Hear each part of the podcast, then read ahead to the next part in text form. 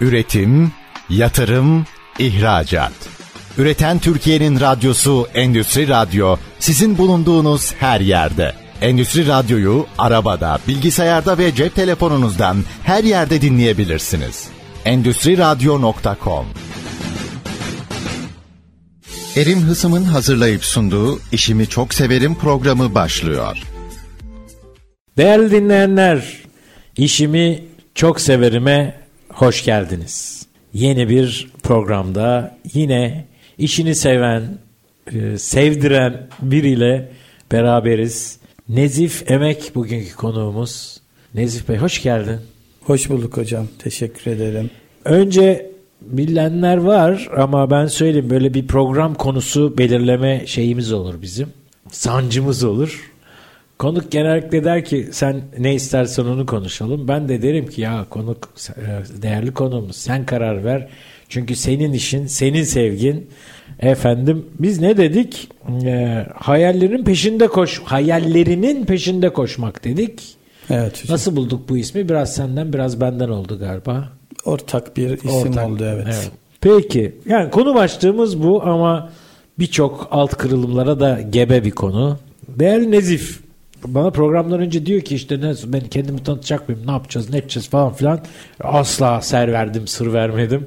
Ee, söyleyemiyorum çünkü aslında değerli, e, sürekli dinleyenler biliyorlar ki çok da net bir kural yok. Ama biraz hani baştan kimdir Nezif Emek diye dinleyicilerin en azından bilmeyenlerin bilen çoktur ama şöyle kulağına birkaç şey e, kaçsın isterim.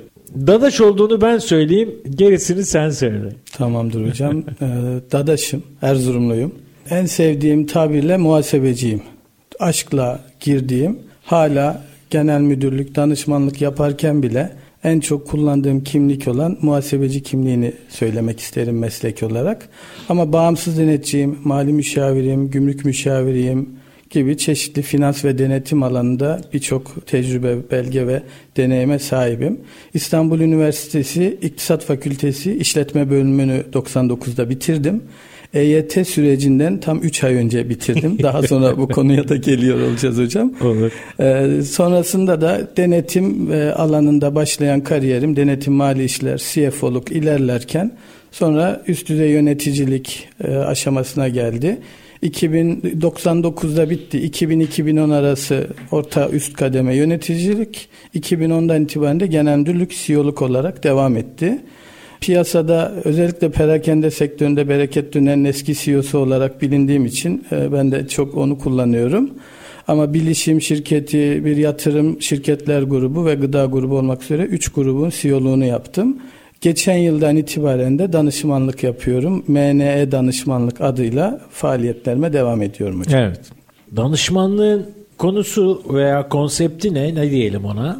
Nasıl Sitede kendimi ifade ettiğim şekliyle kişisel ve kurumsal danışmanlık yapıyorum. Okay. Ama özünde finans odaklı yönetici geliştirme, yönetici destekleme diyebiliriz. Hı hı. Aynı şekilde altyapı ve sistem odaklı kurum destekleme iki boyutunda da bulunuyorum. İkisinde de aktif müşterilerle çalıştım. Çalışmaya devam ediyorum. Harika. Şey ilginç geldi, sürpriz oldu. Bana muhasebeci e, onu seviyorsun ve bırakmıyorsun. Bir de bir hoca arkadaşımı e, hatırlattı, çağrıştırdı. O da muhasebe finans dersleri veriyor bizim Mimar Sinan Üniversitesi'nde. O da kendine muhasebeci der. Bir sürü başka title'a rağmen demek ki muhasebecilik öyle biraz da gönülden bağlanılan bir şey mi acaba? Yani benim aşkım diyebilirim. Evet. Ee, bir kez daha okusam, yüz kez daha okusam seçeceğim ünvan, görev, O kadar. muhasebecilik yapacağım işte denetçilik olurdu. Çizgisi hiç değişmedi. Hala da aynı noktadayım hocam. İşte yani programımızın konseptine çok uygunsun zaten. Ben tasarlarken seni davet etmeyi biraz bunları da düşünmüştüm. Bunları da düşünerek daha doğrusu konuk e, çağırmaya gayret ediyorum. Kimisi yani şu da var tabii. Kimisi mesela e, kariyer değiştirmiş olanlar da var. Okumuş etmiş bambaşka şey. Felsefe mezunu bir pastacı kızımız var mesela. Bu bambaşka bir şey. Orada da bir sevgi var. Ama bir e, şey e, ne değişikliği derler, e, trenler ne değiştirir? Vagon. Yok tren yolunda bir değişiklik olur ya onun adı aklıma gelmedi şimdi. Neyse e, dinleyenler bize yazarlar. Ondan sonra şey değiştirmiş, hat değiştirmiş yani öyle diyeyim. Peki şey yüksek lisanstan bahsetmedin hocam. Tamam hocam. Ben Değil mi? O da var. Evet, Koç Üniversitesi'nde MBA yaptım. Evet. Bunu biraz mahcubiyetle söyleyeceğim. 10 yıldır da tezli bir master'a devam ediyorum. Şöyle ki İngilizce eğitim almadığım için İngilizce bir master yapma kararı aldım ve İngilizce master'ımı yapıp zamanında bütün dersleri başarıyla bitirip tez aşamasına geldim. İngilizce tezimi Tez de bitmedi mi? Tez bitti ama tezi sunmaya gidemedim. Yoğunluktan, siyoluktan. Gidemedim. Okuldan atıldım. En doğru tabiriyle Evet. kaydım silindi. Sonra af çıktı. Bir daha gittim. Bir daha tezi veremedim. Ama Türkçe'ye aldılar. Bu sefer Türkçe tezimi hazırladım yine aynı. Çünkü ben öğrenci disiplini yüksek biriyim. Bu üçüncü kez kabulümde ve işte inşallah bu yıl sunup mezun olmaya çalışacağım hocam ama İnşallah. tezim hiç değişmedi ve intihal testinde yüzde iki intihal çıkan. Dolayısıyla Çok çok, başarılı. özgün. Ee, içeriği de mesleki yolsuzluklar ve Türkiye perspektifi olan Mesleki yolsuzluklar ve Türkiye Evet perspektifi. hocam yolsuzlukları araştırdım. İşte öncesinde İngilizce An Analysis of Occupation Fraud and Turkish Perspective dediğimiz. Sonra Sonra Türkçeleşti. Türkçeleştirdiğimiz. Türkçede de fraud'un karşılığında hile mi, yolsuzluk mu, suistimal kelimesinin hangisinin oturduğunu dahi hala bulamadım. Ama e, inşallah sunmak üzere savunma aşamasında olduğum bir Kelimeleri bir master'ım. daha söylesene. Şimdi fraud dünyada İngilizce'de yolsuzluğun veya işte bu üç kelimeden birinin karşılığı ve çok güzel oturuyor. Ama Türkçe'de hile diyen var. Çi- Çok değerli bir profesör hocamız bu konuda kitap yazdı. o hile diyor. Suistimal biz e, denetçilik kariyerimizde 20 yıldan fazla zamandır kullandığımız suistimal var. Bir de yolsuzluk var. Yolsuzluk deyince dünya literatüründe alt başlık. He. Hile deyince başka bir perspektifle geniş bir alanı buluyor. Suistimal de çok eski bir Türkçe olduğu için tam oturtamıyoruz. İşte hile de karar kıldık. Evet. Öyle tam gidiyoruz. tam karşılığı yok aslında. Evet, Hı. evet hocam. Evet, Türkçemizin böyle bir problemi de var diye düşünüyorum ben. Bazı Yani- şeylerin Türkçesini tam tek kelimeyle anlatamıyoruz Evet. mesela. İki Yabancı- problem var hocam. Bir Evet. Türkçe'de bu kelimeyi bulma problemi var. Bir de bunu bulamadığınız zaman eleştirilme probleminiz var. Hmm. Şey mi mesela hocam dedi bana tez savunmasını tamamlamamama neden olan diyalog. Hocam bulamadım dedim. İngilizcen çok iyi onu mu söylemek istiyorsun? Böyle bir de hani bulamayınca sen ne demek istiyorsun gibi bir algı sorunu var. Halbuki İngilizcem çok iyi değil tabii. Bunun da altını çizmek isterim. Çok iyi değil. Evet. İşini görüyordur ama Bolca görüyor. Benim Evet. hiçbir sorunum yok ama bir İngiliz'in yanında İngilizce düzeyim oldukça düşük tabii. ya aslında bunu biz Türkler biraz böyle düşünüyoruz diye düşünüyorum. Yani şöyle düşünelim. Ee, yabancılar gelip Türkçe konuşmaya kalktıklarında çok komik şeyler çıkıyor ama biz onları gayet büyük bir anlayışla karşılıyoruz.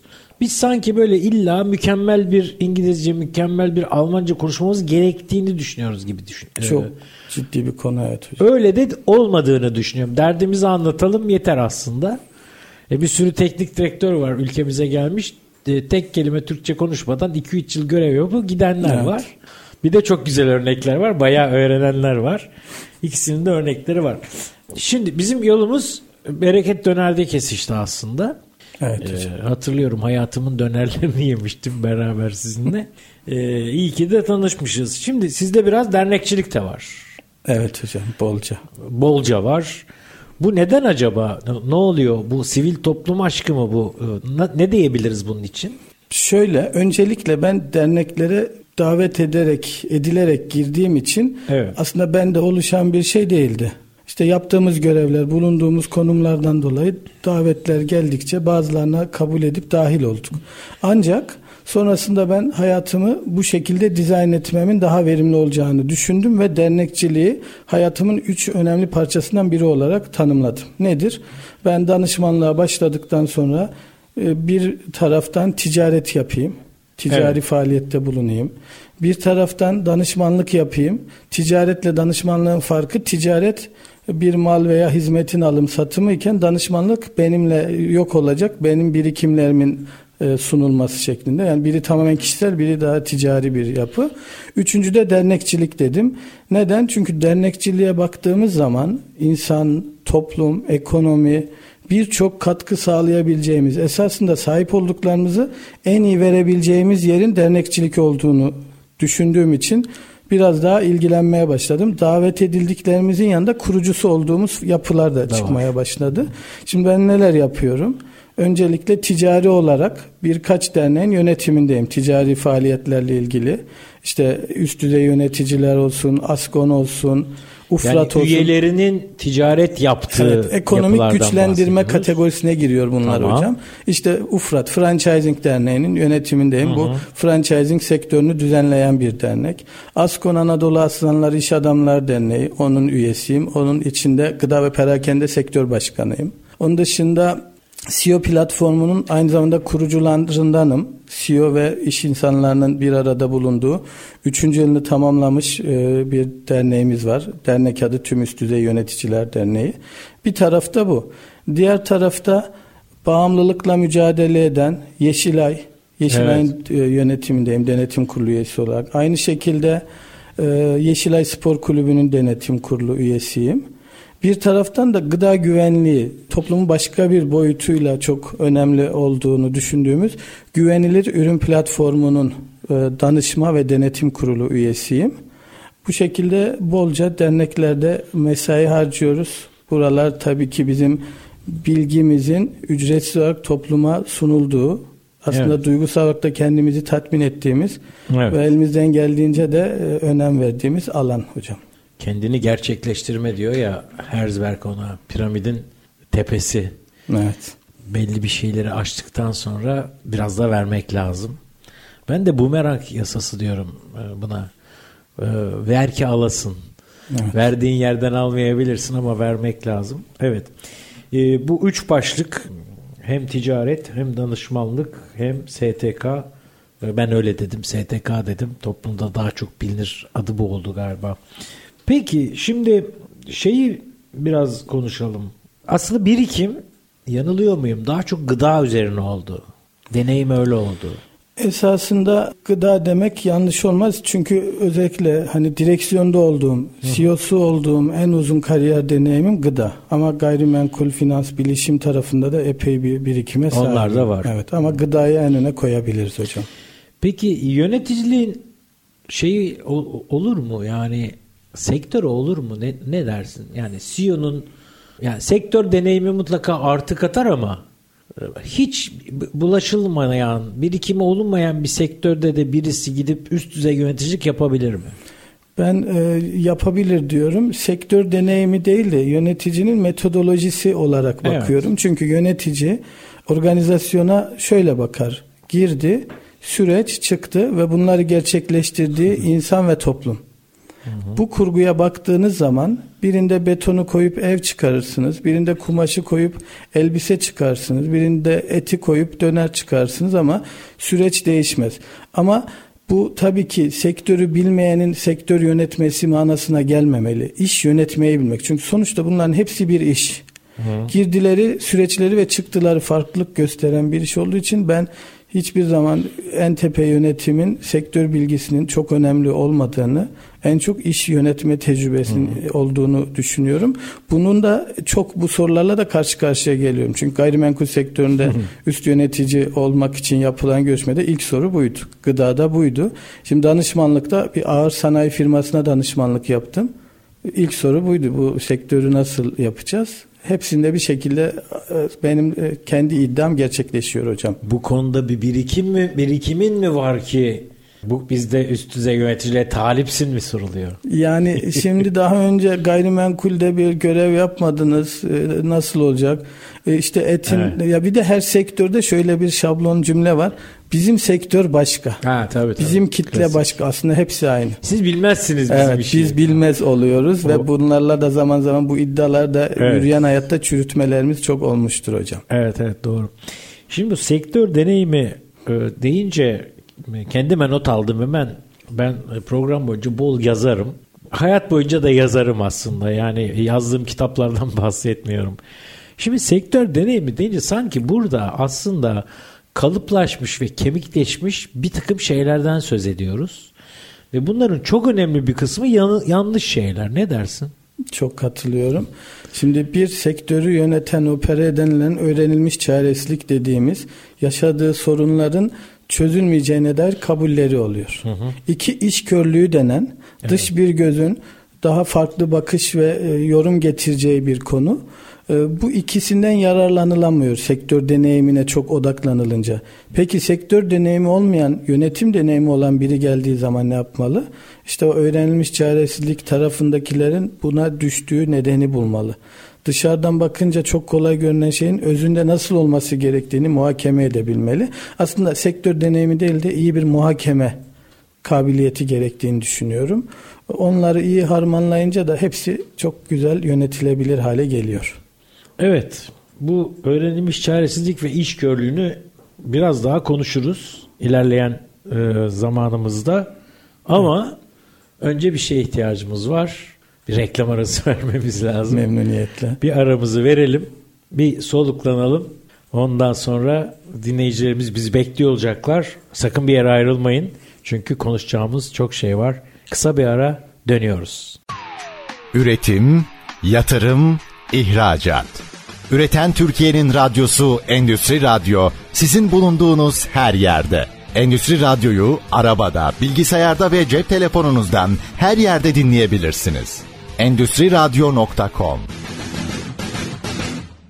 Değerli dinleyenler, siz reklamları dinlediniz, biz birbirimizi dinledik ve geri geldik. Reji huzur verse daha da çok konuşacağız ama vermiyor işte ne yaparsınız?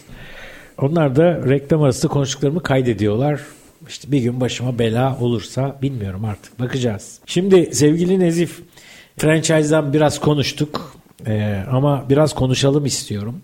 Bu bir yatırım yöntemi. Evet. Dersem doğru olur mu bilmiyorum. Ee, nasıl bir işleyiş? Efendim bir, bir, franchise'a bir girelim. Tabii hocam. Esasında franchise bir yatırım faaliyeti. Yani bir şubenin bir başka adaya bir marka kullanım hakkının satılması, franchise satışı gibi terminolojik karmaşalar çıksa da bunun en doğru şekli bir yatırımcının bir markaya yatırım yapması. Bunun Türkçesini bulduk mu? Yok bulmadık. O Bu da artık yok, dünya jargonunda tek, tek dil, tek termin, terim olarak yerleşmiş oldu hocam. Peki franchise diyoruz. Evet. Yani franchise'a öncelikle insanlar, kurumlar bir marka oluşturuyor ve bu markanın hı hı. büyümesi için ellerinden gelen yatırımları yapıyorlar. Belli bir büyüklükten sonra artık bir karar aşamasına geliniyor. Biz kendi markamızı kendi şubelerimizle mi büyütelim?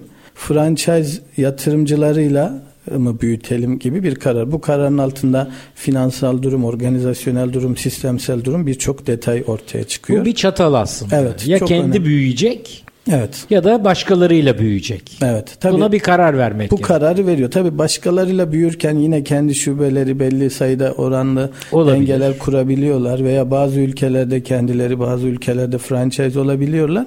Ama biz franchise'den devam edelim. Şimdi bir franchise markası, franchise'a açık bir marka esasında franchise verdiği zaman hangi artıları kazanıyor?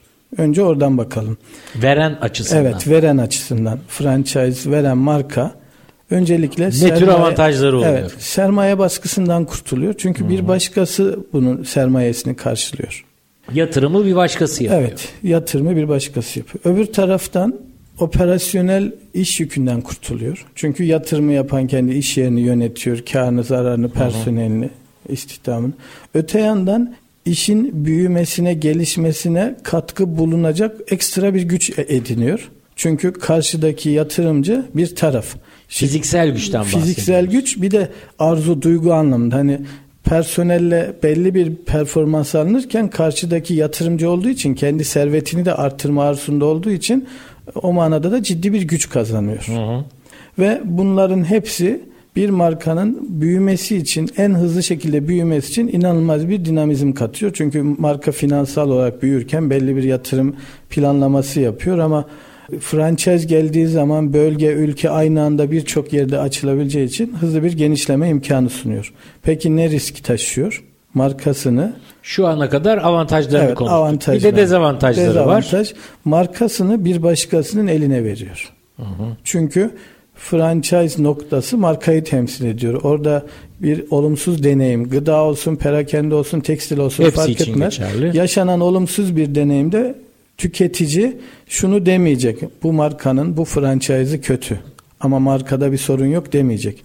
Önce Tabii. markayı olumsuz olarak eleştirecek. Hatta tüketici bilemeyecek bile onun Tabii. franchise olup olmadığını. Zaten bana göre en doğru yapı tüketicinin bu çataldan hiçbir zaman haberdar olmamasıdır. Tüketici için marka markadır. Kimin işlettiği markayla işleten yatırımcı arasındaki bir konudur. Ee, O nedenle franchise verdiği markasını yatırımcısının ellerine teslim ederek bir risk alıyor. Ve Bu gerçekten çok büyük bir risk. Geçmişte e, belki çok birkaç kötü örnek söyleyeyim. Bir müşteriyi döven bir yatırımcı personeli dükkandaki müşterisini döverek kovduğu için markanın o şehirden ayrılmasından tutun da zehirlenme kaynaklı markanın zedelendiği birçok örnek yaşanmıştı. Franchise müşteriyi dövüyor. Franchise şubesinde personel müşteriyi Personel müşteriyi dövüyor. evet bu tür olumsuz sorunlar ki bu dünyanın her yerinde Bunu yaşanıyor. yayından sonra kim olduğunu söyle bana. Tabii hocam. Çok merak ettim. söylerim. Ha bu tabii markaların kendi içinde de olur ama marka çıkıp açıklama yapar, bir şey yapar ama Evet. franchise girince bir risk. Peki franchise için franchisee denen franchisor franchise verene denir. Franchisee de franchise alana denir. Franchise alan peki nelerden yararlanıyor? Şimdi önce gelin bir gıdadan gidelim. Bir restoran açmak için fotoğraf çekmeniz lazım. Bütün ürün fotoğraflarına sahip olmanız lazım ki menü boardlara, Menü menülere koyabilirsiniz. İki reçete belirlemeniz lazım. Yapacağınız ürünün hangi bileşenlerden O da hazır. o da hazır. Üç bir konsept belirlemeniz lazım. O da hazır. Dört bir yatırım e, daha doğrusu tedarik ağı kurmanız lazım. Önce yatırımın konsepti için sonra da ürün tedariği için. Bunlar da hazır.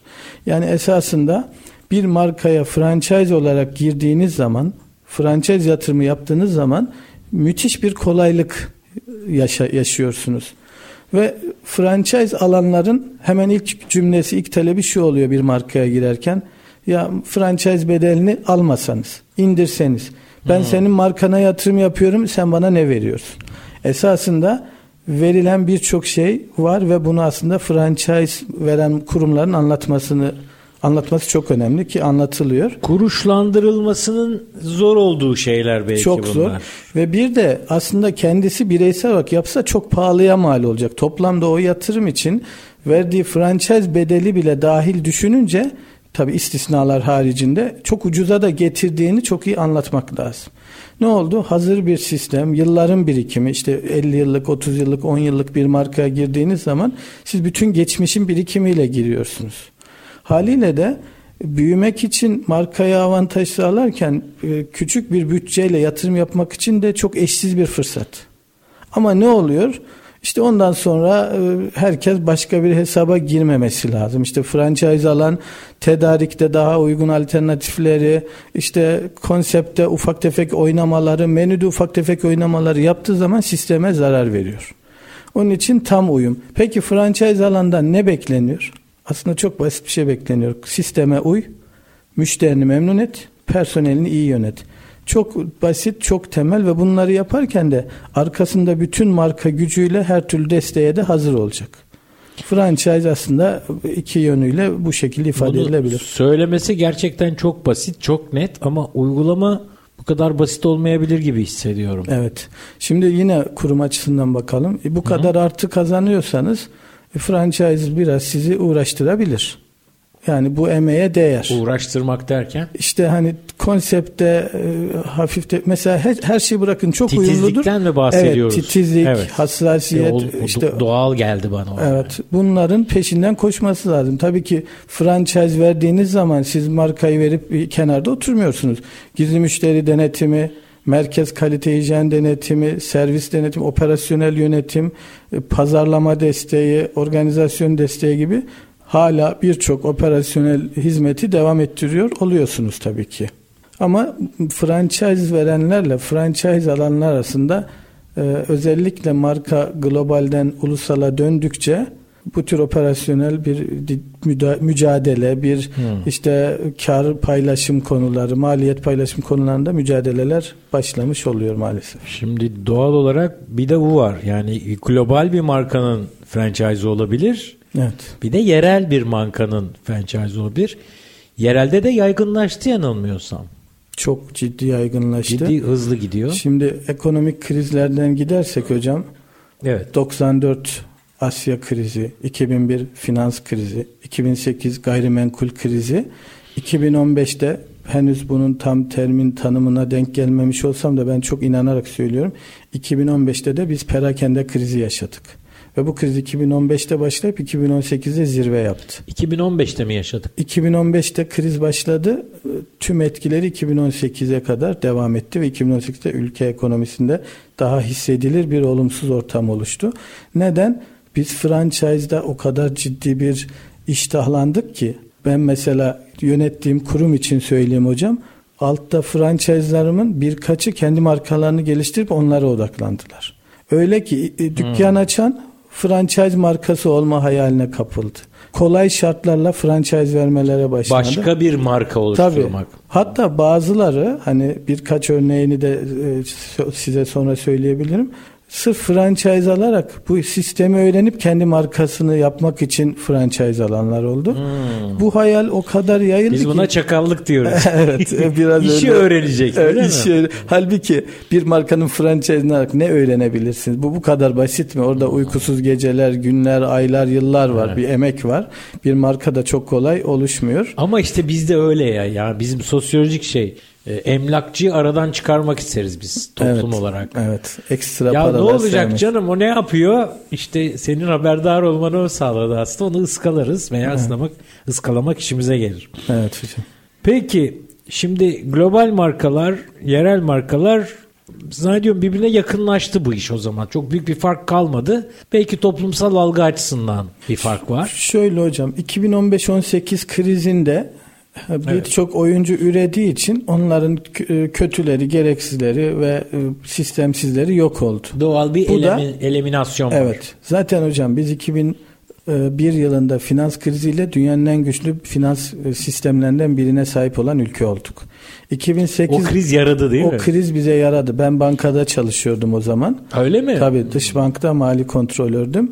Biz e, yanlış söylemeyeyim 81 bankaydık. Krizin sonunda 40 küsür bankaya girdik. Yarısı gitti. 164 bin kişiydik. Biz 60 bin kişilere indik. Sadece kendi e, ekibimden söyleyeyim. Biz 13 kişiydik mali kontrolör Evet. ekibi olarak. Galiba 4 kişi kaldık. Hepsi ayrıldı veya ayrıldı. Hani bu dönüşüm sonra Türkiye'de bankacılık piyasasını, bu iç kontrol sistemlerini falan çok güçlendirdi risk yönetim oturdu. 2008'de aynı durum gayrimenkulde oldu. Gayrimenkul firmaları elendi ve gayrimenkul biraz daha güçlendi. 2015'te de restoran veya bütün franchise sistemleri e, sonradan peyda olan oyuncular ki sadece bir örnek vereyim. Sadece bir ayda Beşiktaş ilçesi sınırında 50 lokmacı kapanmış. Ne ara açıldılar? Bir 50 ilçede 50 lokmacı. lokmacıya ne ara ulaştılar da bir ayda 50 lokmacı kapandı. Ya bir Düşün. dakika o lokmacılar hiç kalmadı mı ne? Hemen hemen kalmadı diyebiliriz. Çok görüyordum. Şu an sen söyleyince hatırladım Evet. ki lokmacı. Öyle hocam. Bir hayır lokmacıları var sadece Hayır cami lokmacılar. önlerinde. Onlar da İzmir'den başlayıp artık yayılıyor. Başka şehirlerde de çok görmeye başladık ama öbür lokma zincirleri artık çok az düzeydeler. İşte bu elenme artık sektörün globallere daha yaklaşmasını, bu işi kuranların daha altyapısını düşünerek başlamasını, özellikle ve olmazsa olmaz dijitalleşmeyi içine alarak e, yürümesini sağladı. O, bu eğitimi de almış olduk diyebiliriz hocam. Kahır yüzünden lütuf diye bir laf vardır. Evet. Ee, işe yarar bazı negatifler. Şimdi bir yandan da tabii düşünüyorum. Bir yandan da öğrenme. Bu program beni çok eğitiyor, çok öğretiyor. Çok e, mutluyum bu açıdan. Şimdi yerel marka var, global marka var. Bir de şu var mı? Yerelden globalleşme. Var hocam. Ulusal, Ben lafı uluslararası- buraya getirmek istiyordum zaten ama ne diyeceksin? Ulusal, uluslararası ve global diyoruz. Evet. Ee, Ben en çok oraya e, şey, orada konuşmak, o konu hakkında konuşmak istiyorum. Biz Süper. döner sektöründeyken bir derneğimiz vardı. Ben de o derneğin genel başkan vekiliydim. Hatta federasyon olduk. O zaman da genel başkan vekili oldum. Biz Derneğin adı neydi? e, ilk kurduğumuz dernek DÜBİDER, Döner Üreticileri Birliği. Tamam. Sonra UDOFET oldu. Şu an Genel Başkanımız Mehmet Mercan Bey e, görevini başından beri devam ettiriyor. Bu dernekte yaptığımız konuşmalarda sektörümüze sadece döner için söyleyeyim. Hep şunu söyledim ben. Türkiye bir pazar. Ama burada bir pazar pasta payı var. Bunu alanlar almış. Almaya devam edecek. Evet. Biz pazarımızı dünyaya yayalım. Dünyada bu ürün sahipleniliyor. Yunan tarafından, Arap tarafından, Alman tarafından, Amerika tarafından en son yetmezmiş gibi şimdi Meksikalılar tarafından sahipleniliyor. Dışarı açılan. Meksika'da mı çıktı? Tabii Tijuana Style Taco diye bizim baton Ha. dönere ad verdiler gitti. Gyro, shawarma, drenship e, birçok adlarla artık herkes dönerin sahibi olmaya çalışıyor ama Udofet bu tescili de başardı. Şu an dünyada dönerin tescili Türkiye tarafından başarıldı. E, Mehmet Mercan Başkanı da bu çalışmasından dolayı tekrar kutluyorum. Dışarı çıkalım diyorduk. Şimdi çıkanlara bakıyorum. Çıkanlar başarmış. Çıkanlar ciddi yol almışlar. Daha çıkması gereken çok markamız var. Ama burada şöyle bir handikap var. Biz şimdi bir ülkeye bir franchise verdiğimiz zaman o şubenin ziyaretine gitmek ciddi bir kur farkı kaynaklı yol maliyeti. Orada konaklamak, orada ofis kurmak, depo kurmak. Onun için tek birkaç şubeyle başlayanlar genelde başarısız oluyor. Bunu biraz daha odaklı işte yine bir marka şu an adını söylemek yanlış olur mu bilemediğim için bir ülkede derinlemesine büyüdü. Evet. Ee, o ülkede 7-8 şubeye ulaştıktan sonra şu an 11 ya da 12 ülkede. Ya birçok şubeyi birden açmaktan mı bahsediyor? Birden açmaktan ziyade oraya biraz odaklanıp başta da bir yatırım maliyet bütçesi. Yani biz hemen kar bekliyoruz. Yatırım maliyet bütçesi biraz derinleşince bakıyorsunuz ki daha hızlı büyüdünüz. Sonra yine başka bir marka. O da Ya bir tane açıp deneyip sonra yapmak yerine Evet. hepsini birden değilse bile belli bir stratejiyle peş peşe e, kanalize olmak ve o ülkede e, aktif olmaktan Evet. bahsediyoruz. Ve bu mesela bu bahsettiğim marka emirliklerde açtı. Orada sonra bütün markayı yani emirlikler tarafında bir master franchise aldı. Amerika, Kanada, İngiltere derken şu an bildiğim kadarıyla 11 ülkede başarıyla ilerliyor. 11 ülke. Evet ve çok başarılı. Ülkemizin gururu ilerliyor. Yine başka bir markamız Avrupa'yı hedef alıyor. Almanya odaklı başlıyor. Onlar da şu an 9 ya da 10 ülkede. Şimdi böyle dışarıya ne olur değil. Üstad bunların e, isimleri değil ama e, işlerini istersen söyleyebiliriz. Yani ne, ne üretiyorlar? Tabii biri İskender döner markası, biri çiğ köfte markası. Biri çiğ köfte. Hakikaten çok başarılılar. Ben e, içlerini de biliyorum, yönetimlerini de tanıyorum. Çok gururla bahsediyorum. Bu şekilde çok fırsat var. Çünkü Türk gastronomisi dünyanın gıda tarafında söyleyeyim en iyisi. Türk tekstili dünyanın en iyisi. Türk müteahhitliği dünyanın en iyisi. Yani biz aslında franchise verebileceğimiz bütün sektörlerde dünyaya öncü olabiliriz. Olanlar var, başaranlar var görüyoruz. Sadece maymun iştahlı olmamak, yatırımsız kazanç beklememek, bir şeyin hakkıyla oraya konsantre olmak lazım. Mesela ilk bahsettiğimde, ikinci bahsettiğimde yıllarca bu bölgeleri incelediler. Yıllarca bu bölgelerde zaman harcadılar. Ama sonra hızlı büyüdüler hocam. Evet. Peki e, sevgili Nezif bir bölüm daha bitti. Süper hocam. E, kala kala elimizde bir bölüm kalıyor. Ama konuşacak çok şey var. Evet. Karnım da acıktı.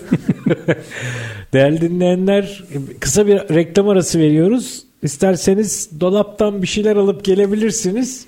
Ama çabuk gelin çünkü daha anlatacağımız, konuşacağımız çok şey var. Az sonra dönüyoruz. Üretim, yatırım, ihracat. Üreten Türkiye'nin radyosu Endüstri Radyo sizin bulunduğunuz her yerde. Endüstri Radyo'yu arabada, bilgisayarda ve cep telefonunuzdan her yerde dinleyebilirsiniz. Endüstri Radyo.com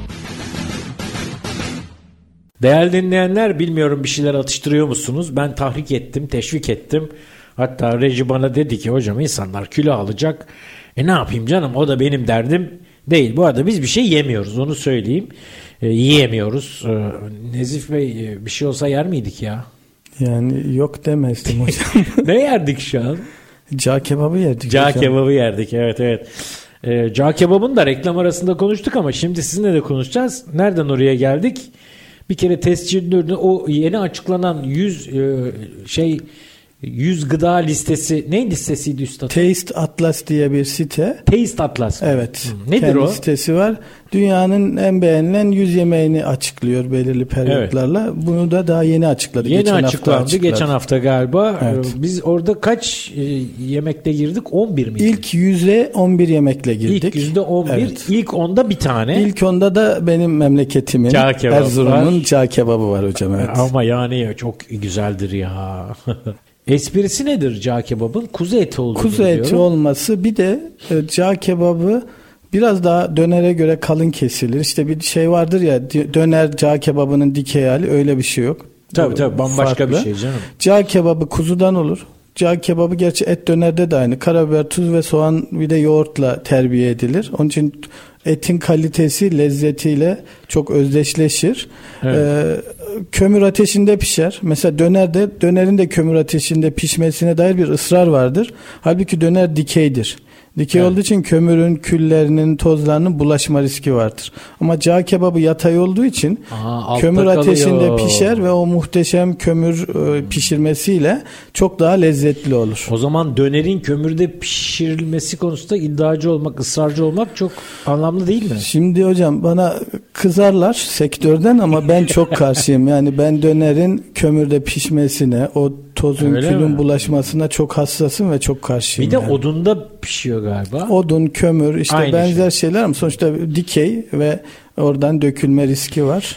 Valla ben mangal severim ve yaparım. Ee, Orada e, odunu tercih ediyorum Evet. kömüre nazaran. Sonrasında çayda yapıyorsanız o odun ateşinde tabii, tabii. muhteşem Bir final gün olur. beklerim. İnşallah seve seve hocam her zaman. Peki. Şimdi bu şeyi biraz konuşalım. Şu 100 ürün yüzde 11 hakkaniyetli geliyor mu? Ben bizim mutfağımızı biraz biliyorsan çok daha yüksek bir skor beklerdim. Hatta ilk onda en az 3-4 olmalıydı. Hatta birinci bizden olmalıydı diyorum. Evet hocam ben de aynı fikirdeyim ama tabii bu listelere girmek sadece iyi ürün, iyi birikimle olmuyor. Ülkelerin İşin kendini PR'ı var, tanıtması. Siyaseti var. Tabii şimdi sushi gerçeği var dünyada. Evet. Pizza, spagetti gerçeği var. Yüzyıllardır bunlar insanlara empoze ediliyor, İtalyan anlatılıyor. mutfağının bir ağırlığı var. Evet. Buna rağmen yine de ben gururla söylüyorum Türk gastronomisi dünyanın en iyisi. Bizim hizmet tarafında gelişmemiz, uluslararası olma anlamında gelişmemiz gerekiyor. Onun dışında bizden daha iyisi yok. Örneğin bir Lübnan mutfağı var, çok bilinen. Ama biraz derinlemesine girerseniz Lübnan mutfağı Türk mutfağının daha iyi sunulmuş halidir. Yine biz varız. Çünkü Türk mutfağı demek sadece Türk mutfağı gibi dar bir anlamla da anlaşılmaması. Türk mutfağının derinliğini an- anlamak Tabii. lazım. Burası Mezopotamya'yı kapsayan bir topraklar. O Burası insanlığın gider. kökeni. Onun için zaten bizim ilk yüzün yüzünde de olsak bunda hiçbir yanlışlık olmaz. Her şey PR. Ülkemizde de. %100 olabilir miydi? Olsak da yanlış olmaz yani. Mesela e, e, PR'la ilgili örnek vereyim. Şimdi ben Erzurumluyum. Gaziantep var. Evet. Erzurum'da da çok ciddi, muhteşem yerel yemekler var. Çok özel ürünler var. Ama Gaziantep bilinir. Gerçekten Gaziantep mutfağını çok severim. Çok başarılı. Tabii, tabii. Aradaki fark PR fark.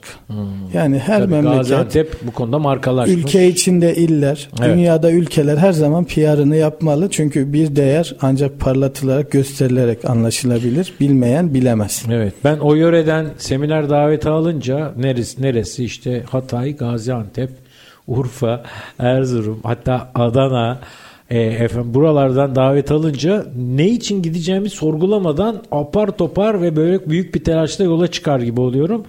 E, konuyu da falan soruyorsunuz. Ne istiyorsunuz? Beklentiniz de falan. E, hatta şey söyleyeyim. Küşlemeyi bilirsin. Evet, Üstad. Sen, çok severim. e, küşleme yiyeceğim diye neredeydi o? Gaziantep'teydi galiba. Evet. Uçağı kaçırdım hocam. Hakkıdır hocam. Hiç yanlış bir şey yapmamışsın. Tabii tabii. Kaçırınca bir küşleme daha yedi. Hatta onun sonrasında sabahını da görmüş olursanız Evet. inşallah o kaç beyranlar işte katmerlerle Of, de of, of. taçlandırabilirsiniz hocam. Üstad şimdi benim karnım acıktı ama dinleyenler perişanlar şu anda. Ee, şey paket e, siparişleri yağıyordur şu an. Keşke komisyon alabilseydik ya. Evet çok iyi olurdu hocam. Evet peki Ee, şimdi buradan ha burada o, o listede şey dikkatimi çekti. Sen mutlaka bakmışsındır ona. Yunanistan bizden daha yüksek bir skora sahip. Ve kokoreç var. Kokoreçte var mı? Evet Yunan olarak görünüyor. Kokoreççi mi? Hani birçok şeyin Abi, tabii, adı, adı değişmiş, değişmiş ama kokoreç E Yunan buna ne mutfağı. diyelim? Nasıl yorumlayalım biz bunu? Yine aynı PR. Evet. Ee, Bizim sahip olduğumuz değerlerin peşinden koşmak. İç pazarda birbirimize rekabet edip zarar vereceğimize dışarı açılıp ülkemize fayda sağlamalıyız. Evet. Buralarda eksiklerimizi gidermemiz gerekiyor hocam. Bu şey kafamı kurcalıyor. Demin dedin ya Lübnan e, sunumda sunuşta Evet. farklı ileride. Bunu nasıl becermişler? Yani bizden gelişmiş bir ülke değil. Bizden medeni bir yer değil. Onu nasıl yapmışlar? Biz neyi yapamıyoruz veya? Yani Yani- önemli olan bu. Çok tabii beni aşabilir bu yorum. Derin bir konu ama Evet. bizim e, Osmanlı'ya kadar gidebilir. Bizim e, özgüvenimiz dışarıya fazla öyle kendimizi anlatma derdinde olmayan bir genetik kodlamamız olabilir. Hani biz güçlü bir imparatorluktan geldiğimiz için Evet. herkes bize gelirdi. Biz onun için gidemiyoruz. E, Ona biraz yorabiliriz çünkü onlar kendilerini ispatlamak için mücadele vermişler. Mesela Mısır, Mısır'ın bir büyük bir bölümü yani bir ülke olarak demeyeyim de ciddi bir nüfus dünyanın her yerinde gıda danışmanlığı yapıyor. Şu anda. Evet yani birçok benim tanıştığım, çalıştığım, ziyaret ettiğim ülkelerde hep bir Mısırlı danışman var. Lübnanlılar restoran menüde, Mısırlılar restorancılık ticaretinde ilerlemişler. Ama biz sadece döneri söyleyeyim hocam. Dönerde iyi asılırsak ülkemize 10 milyar dolar para sokabiliriz yılda.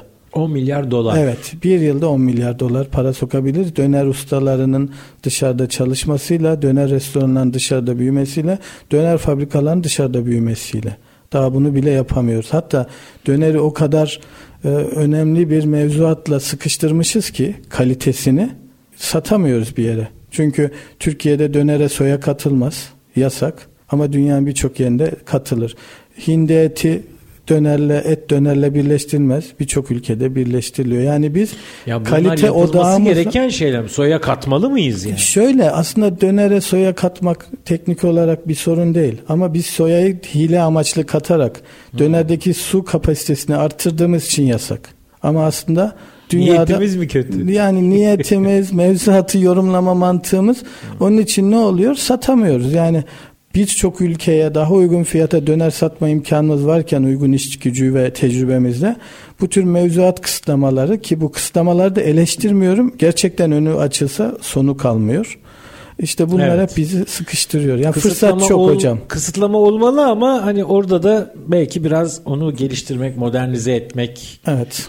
Kısıtlayalım derken belki de sektörün önünü daraltıyoruz. Basit bir örnek hocam. Bir döner serbest bölgesi kurulsa bu ülkede iç pazara satılmayan dışarıya dış mevzuat uygun işte etle tavuk karıştırırsa hindiyle mevzuatlarına uygun ülkelerin ve iç pazara girmezse bu bile ülkemiz için büyük bir kazanım olabilir hocam. Bu şu anda ürettiğim bir fikir değil herhalde değil mi? Bizim çok zamandır konuştuğumuz Konuştuğunuz ama şey. tabii diyeceksiniz ki konuştuğunuz ciddiye mi almadılar? Çok da gidip devlette üst yönetime sunmadık. Hep Paylaşma aramızda- şansınız olmadı. Evet, fırsatımız olmadı. Belki bu bir fırsat olabilir. Olabilir. Belki şu anda bizi dinleyen birisi ya bu da neymiş falan diyebilir. Peki e, şeyi biraz hmm, konuşalım o zaman. Şimdi bir gıda ürününün üretimini Türkiye'de yapmaktan mı bahsediyoruz? Şimdi hocam serbest bölge denen Türkiye'de bir gümrük dışı sayılan alanda Tamam.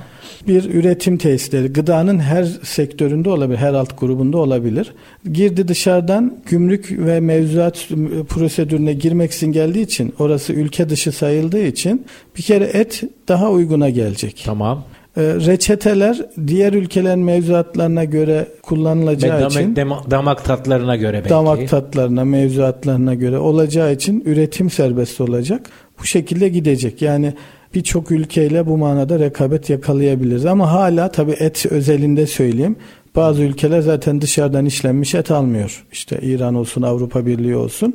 Hala bir kısıt var ama bununla bile birçok ülkeye girip ya da girdiğimiz ülkelerde derinleşme fırsatı yakalayabiliriz hocam. Peki burada kastettiğin herhalde çiğ olarak yurt dışına gitmesi. Her türlü hocam. Pişmiş de çiğ, gidebilir tabii, mi? Tabii. Yani biz Teknoloji buna izin verir. Onu- Pişmiş de çiğ de satıyorduk ürünlerimizi yurt dışına. Anladım. Ee, ilginç bir konu. Bir üç bölüm alır hocam bu konu. Alır alır. Keşke bu yapılsa. Kaç milyar dolar Ben 10 milyar hocam? dolar 10 olarak milyar dolar. e, iddia ediyorum. Bayağı ciddi bir hacim. E, Biz 10 milyar dolar bulmak için zaman zaman ülkece epey eziyet çekiyoruz. Evet hocam. Evet. Ve işçilik olduğu için maliyetsiz yani insanlar yüz binlerce Tabii. insan ve Tabii. gerçekten ihtiyaç var. Tabii. Dünyanın her yerinde döner ustalarına ihtiyaç var. Evet. Ee, Bu Evet, insanlar için de iyi bir kazanç kapısı. Bizim yol, e, yolumuzun kesiştiği tarih ben tabii o zaman farkında değildim. Sen söyleyene kadar şimdi de farkında değildim. Krize denk geliyor.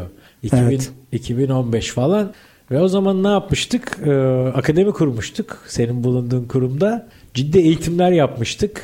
Biraz eğitimi de konuşalım mı vesileyle? Hocam Yani önderliğinizde müthiş bir iş yaptık. evet. Biz tabii akademi eğitimlerinde istediğimiz bazı şeyleri göremedik. İşte personeller tatillerinde Evet. eğitime geldiler. İşte e, franchise Evet. dünyasının doğal sorunları ama o eğitimde gözlerinin parlaması, sonrasında bize yaptıkları geri bildirimler gerçekten çok değerliydi. E, Akademi bence bu büyük yapıların coğrafi olarak sadece franchise de değil, coğrafi olarak yaygın yapıların veya çok personeli olan yapıların mutlaka sahip olması gereken bir şey. Eğitim, şimdi duyuyoruz özellikle müşteri firmalarda, danışmanlık verdiğim firmalarda duyuyorum. Danışan firmalarda diyeyim müşteri ifadesini iptal edeyim. Tamam. Duyuyorum işte. Bunu sonradan verdik- kestiririm. Evet hocam. iyi olur hocam.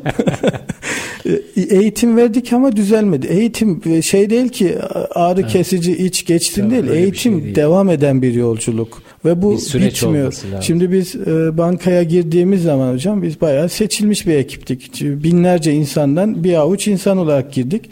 Ama ona rağmen 3 ay bizi eğitime aldılar. 3 ay eğitimden sonra işbaşı yaptık. İşbaşı yaptıktan sonra her ay tekrar eğitime tabi tutulduk. Her Tabii. ay hatta Sonu biz yok. bazen diyorduk ki bu nedir bu kadar?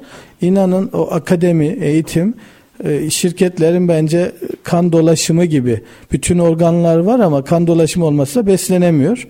Çok çok değerli tamamlayıcı olmazsa olmaz parçası bence hocam. Sanıyorum makinaya, işte dükkana, teçhizata bu sektörden bağımsız söylüyorum, bağımsız söylüyorum. Yatırım yapmaktan imtina etmiyor girişimcimiz. Ama iş insana yatırım olunca biraz orada cimrilik mi oluyor? Ne diyorsun? Evet. Öyle oluyor ki buna da şahit oldum. Maaş ödeyemez hale geliyor makinaların parasını öderken. Tabii.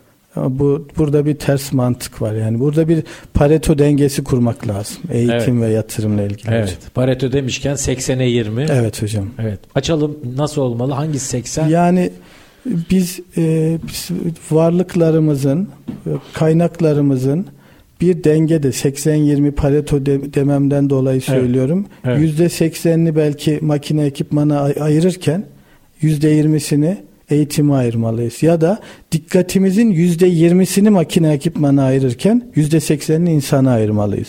Çünkü makinalar, tesisler hepsi insan eliyle çalışıyor. Yapay zeka buraya geldi. Artık 7,5 milyar insana gerek yok gibi laflar dolaşsa da insan olmadan hiçbir şey olmaz ve eğitim olmadan da insandan beklenen hiçbir zaman alınmaz.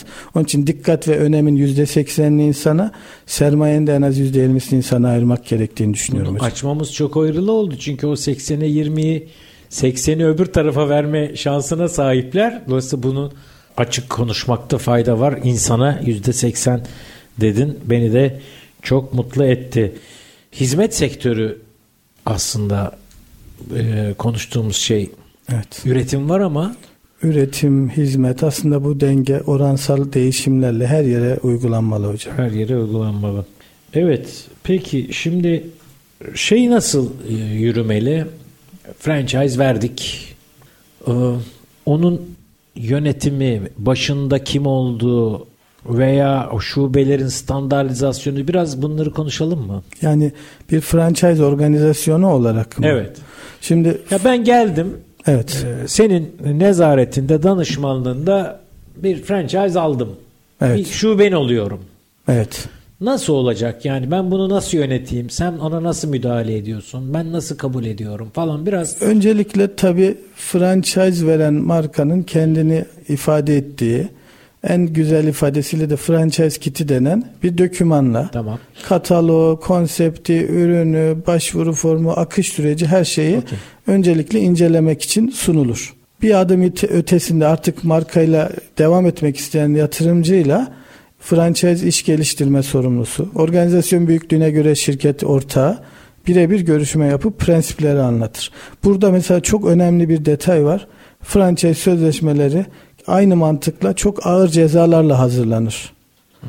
İşte bu cezalar açık bir şekilde yatırımcıya anlatılmalı. Ya imzala hallederiz, imzala sonrasında dediğimiz anda hatta okumadan imzalayıp ben bunlardan haberdar değildiğime kadar giden örnekler evet, var. Biz biraz kültürel olarak okumadan imzalama evet. eğilimi olan o bankalarda sigorta poliçelerinde o küçük küçük yazıları pek okumadığımız evet. olur başımızda belaya. Sonra aslında açık iletişim, açık şeffaf, iletişim, sonradan olacak şeyleri bugünden konuşmak. Evet. İlk kavgayı başta yapmak. Evet. Sonrasını evet. çok korur. Şeyi ya sorduğumun asas bağlamı şu. Bir örnek vereceğim. Tabii global şirketler bunlar ama e, bir tanesinde eğer sen franchiser oluyorsan mutlaka işin başında yatırım yapman yetmez. İşin başında da sen bizzat duracaksın diye bir kural var. Evet. Kim olduğunu sen anlamışsındır. Bunu. Evet.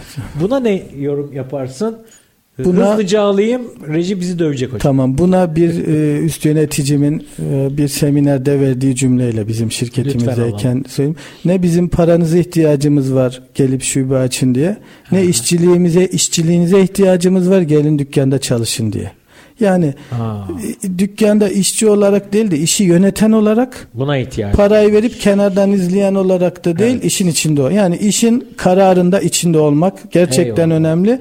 Çünkü sonuçta büyük bir yapının küçük bir parçasını alıyorsanız işin içinde bulunmanız gerek diye cümlemi bitirdim Nezim, hocam. Çok teşekkür ederim. Ben teşekkür ederim Kısa bir süre hocam. sonra tekrar globalleşmiş Türk markalarını daha derin konuşmak ümidi ve heyecanıyla seni konuk etmek isterim. İnşallah hocam. Memnun olurum. Çok sağ ol. Ağzına sağlık. Sağ olun hocam. Teşekkür Değerli dinleyenler bir işimi çok severimi daha burada bitiriyoruz. Bir başka gün bir başka konu ve konukla sevilen işleri konuşmak üzere burada olacağız. Hoşçakalın, sağlıcakla kalın.